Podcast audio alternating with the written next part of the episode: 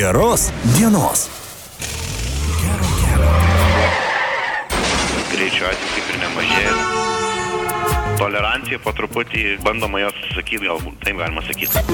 Ne tu vienas kelyje. Visiems kovantiems linkime vairuoti saugiai. Sinoptikai žada, jog penktadienis dar gali būti audringas, ypatingai rytinėme šalies pakraštyje. Na, tikėkime, kad joninių gamtos ir išdaigos, beje, nuo jų neatsiliko ir žmonės, kokiosgi šios praėjusios paros buvo Lietuvos apskrityje. Apie tai kalbame su Lietuvos apskrities policijos komisariato komunikacijos vadovė Kristina Janulevičinė mūsų eterėje.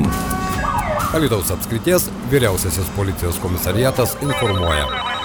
Labadiena, gerbiama Kristina. Labadiena. Na štai, iš tikrųjų, gamta pažėrė e, ne tik išdaigų, bet ir rūpešių pridarė iki šios dienos. Dar žmonės be elektros gyvena ir pietų Lietuvoje, tad e, čia siautė, na, škvalas kaip reikiant, ko gero ir medžiai lūžo. Šiandien dar apie 3000 gyventojų neturi elektros, bet pakalbėkime apie tai, ką fiksavo policijos pareigūnai, nes, kiek žinau, dienos taip pat nebuvo ramios. Iš tikrųjų, taip, dienos nebuvo ramios, bet policijos pareigūnai buvo tam pasiruošę, nes negi kiekvienais metais e, Joninių šventės mums duoda daugiau darbo ir turime daugiau darbo. Be abejo, neapseita be skaudžių nelaimių, e, turime net keturis nuskendusius vyriškius įvairiuose em, tvenkiniuose bei ežeruose. Be abejo, neapseita ir neblaivių vairuotojų sėdusių prie vairo, todėl šios e, šventinės dienos tikrai nebuvo ypatingai ramios. Na štai, kai kam tai ilgasis savaitgalis, keturi skenduoliai, vienas trečiadienio vakarą Prienuose iš Beržino parke esančio vandens telkinio jau ten buvo ištrauktas e, negyvas vyras, o kur dar skenduoliai buvo rasti. E, Dar du vyriškiai nuskendo druskininkų savivaldybėje, vienas grūto kaime esančiame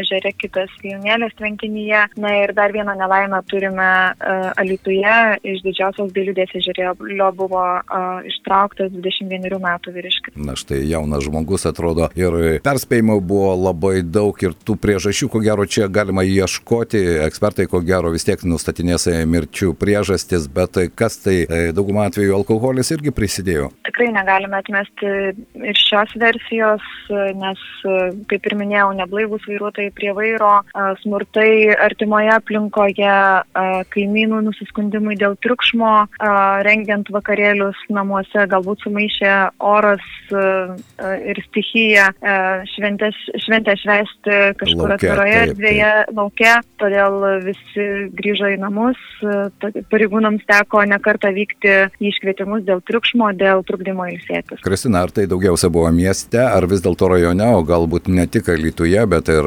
Lasdyviuose, Druskininkose, Varėnoje, ar galime šiek tiek e, detaliau? Dėl triukšmo daugiau, daugiausia pranešimo buvo gauta Lietuvos mieste, todėl čia vykti turėjo dažniau pareigūnai, būtent Lietuvos mieste, na, o rajonuose ir teritoriniuose apskrities ko- komisariatuose tokių pranešimų buvo gauta mažiau, tačiau dėl smurto artimoje aplinkoje išskirti negalėčiau nei vieno, nei miesto, nei rajonų, todėl kad e, iš tikrųjų teko vykti į visas e, teritorijos vietas, Taip. e, na, palyginus nemažai laik, kartų. Trečiadienio vakarą siautusi audra, ko gero iš tikrųjų daugelį iš e, baidė iš e, atvirų vietovių ir vairuotojų, jūs minėjote, kad neblaivių vairuotojų taip pat netruko, atrodo ir prieš tai su jūsų kolegomis nekartą kalbėjome, jog ypatinga dėmesį kelių policijos pareigūnai ski- skirs šiomis dienomis, bet ne visiems tie perspėjimai, ko gero, ausis pasiekė, ar daug tokių buvo neblaivių vairuotojų. Pradėti šeši iki teisminiai tyrimai dėl e, vairavimo e,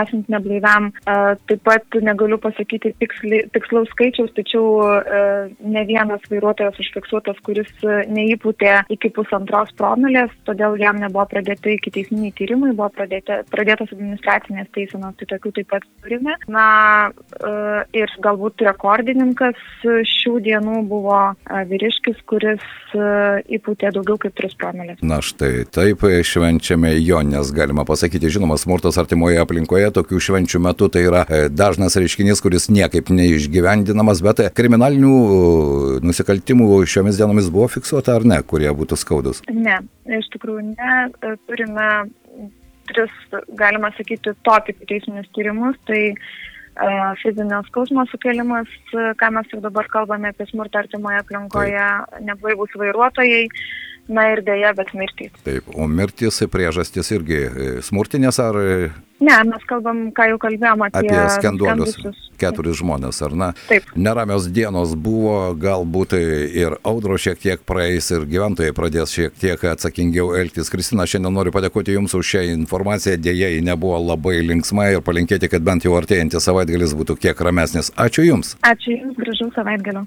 Mūsų pašnekovė buvo Lietuvos apskrities policijos komisariato komunikacijos vadovė Kristina Janulevičinė. Štai keturi skenduoliai per šias dienas. Daugoka, 21 metų vyras, nuskendo ir didžiosios dailidės ežerėlėje, kur įprastai miestelėnai karštomis dienomis mėgdavo pasislėpti nuo alinančio karščio. Tad belieka palinkėti visiems saugoti save ir aplinkinius.